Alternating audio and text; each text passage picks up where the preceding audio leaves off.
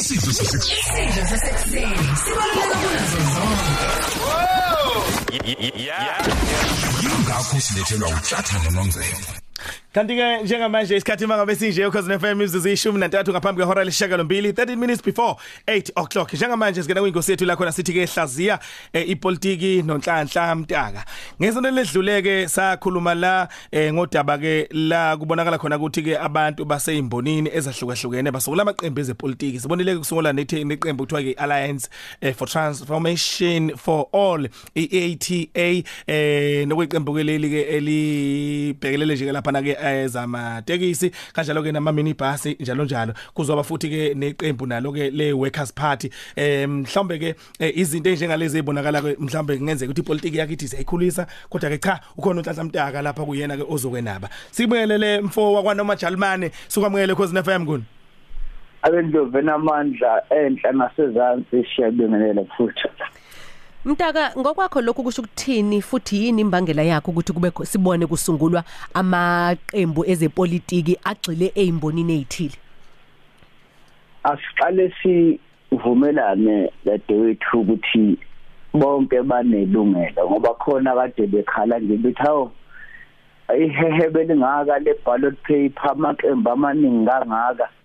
Ngenhlanhla noma ngeshwa umthetho sisekelo waseNingizimu Afrika uthi bangaba ngisho yikhulu uma nje bezokwazi ukuthi bamelane nemithetho le ebekiwe yokhetho.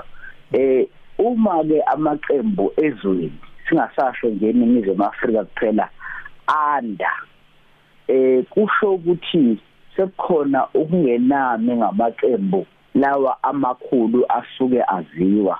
Eh ingakho abantu sebebona ukuthi abakhe nje abaphuma amanxiwa babe namaqembu abo. Iningi labantu abasuke bakha amaqembu eAfrika basuke bephuma kumaqembu amakhulu. Eh bese kuthi ke abanye kube abantu abazalwe eh seyadlula inkululeko abangenawo umlando waleli qembu noma lamaqembu amakhulu abathi bona cha bona bangesinye isizukulwane babone ezinye izimo ngakho bafisa ukubumba iqembu lawo ngizama ukuthi kuba izathu ezahlukene. Esesithathu bese kuba ileso sabantu abayibumba ngoba bewumkhakha othize. Isibonelo kade ukhuluma nje ngeqembu labasebenzi ukhuluma futhi ngeqembu eligcile kakhulu kwabamatekisi labo abaqhamuka emkhakheni yahlukene kusuke kuveza ukuthi kabaneme noma kabasakholelwa kuyinhlaka ezikhona kumaqembu akhona ukuthi ayakwazi ukuphakamisa indaba zawo ebeparlamente noma ehlanganeni ezithisi Mm. Kuyezwakala mfowethu Mtaka. Mhlambe kwamanye amazwe iyenzeka yini lento esiyibonayo la eNingizimu Afrika ukuthi amaqembu ezepolitiki ande kangaka eh ngasonke isikhathi mhlambe uthola ukuthi umuntu akeneme ngeqembu elithize uyaphuma nayo sesungule yakhe inhlangano njalo njalo. Eh kuyenzeka kodwa kwamanye amazwe kuhluka isibonelo eMelika. eMelika yize emabili amaqembu amakhulu okungama Republicans ama Democrats kodwa abantu uhlelo lwakhona lokhetho akuvotelwa iqembu votelwa umuntu makufika kumengameli ngakho ke eMelika uthola abantu abaningi njengoba sikhuluma nawe nje ama Democrats ewodwa asenabantu abahlanu kuyeshumini abathi bafuna ukuba ngomengameli so kuyenzeka kulezi indawo ezithize ukuthi khona umthetho awufani. naseNdiya la khona ukuvotwa inyanga yonke ngoba bayisigidi laba abantu abavotayo. Nakhona kusuke khona wonke umuntu kodwa bese kusuka lapho ekutheni noma sekuvotelwa undunankulu eNdiya. Kusuke bese kuba umuntu loyo eh mhlawumbe kungakusaba iqembu ngamafuphi kuyenzeka. Mhlawumbe asibheke uma isikhathi sivuma ukuthi lapha eningizimu Afrika ngolesithathu lamaqembu amancane abaluleke kangakanani uma sivuma isikhathi singakubheka lokho ngoba eh into emqoka abavoti okufuneka bayazi ngokhetho ngeshwa asifundiswa ngayo lapha eningizimu Afrika kukhulunywa nje ukuthi kuyavota. Into emqoka mvoti mawulalele ukwazi ukuthi kubalwa kanjani ngamafuphi i-threshold ngolimi lokubala la kwa-IEC sengihlale no-IEC iminyaka mase kubalwa owangobe hey ayithi into ebuhlungu njengaleya. La khona amaqembu abaholi ngisho abaholi abaphezulu kanjalo namalungu. Behluleka ukubala uze umuntu nje ubuke kancane lapha ekutelevision wayesethi hawu sewinile bese biza umndeni abize nabathandazi ukuthi akuzobongwa. Ufengene eParliament na kanjalo hawu mase bekhona abantu kutholakala ukuthi akangenile. Inkinga ukwazi ukuthi kubalwa kanjani. Ingakho lamaqembu amancane ake emqoka ngoba yonke ube maningi kanje. Bese abantu abayakhithini babe baningi futhi futhi abazofika ukuzovota. Uchaza inkinga enkulu ngoba kusho ukuthi lokuthiwa i-threshold kusho ukuthi isibalo esenza isihlalo noma isitulo kusebenzisa amagama asesetshenziswa abantu eParliament sizobalwa ngandlela thize. Isibonelo uma i-threshold ithi abantu kufanele benze isihlalo kufanele babe ezinkulungwane ezingamashumi amane 40 40000 futhi iqembu lakho kufuneke kuze lithole nje isihlalo kufuneke livotele labo bantu. Iyo ngithi ngenxa yesikhathi kodwa leyo nto imqoka ngoba iyona ulala nje sewazi ukuthi awuza zadliwe zakwethu. Uma ukwazi ukubala ukuthi i-threshold ingakho ke lamaqembu amancane emqoka ngoba uma nje i-threshold ike yasho isigaba esithize kusho ukuthi lonke ivoti limqoka limqoka ngoba njengoba baningi nje angikungabazi ukuthi uma wena ungavukanga wayokhethweni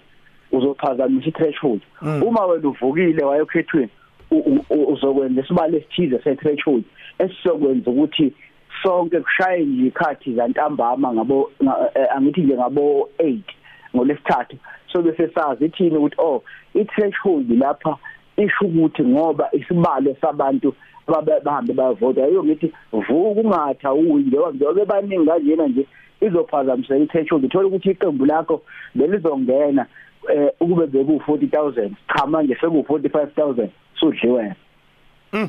Kezwakala mfowethu. Mhlawumbe ngokubona kwakho njengomhlazi azokwenza kanjani lamaqembu kuleli sonto njengoba eh, ukhetho selisemama.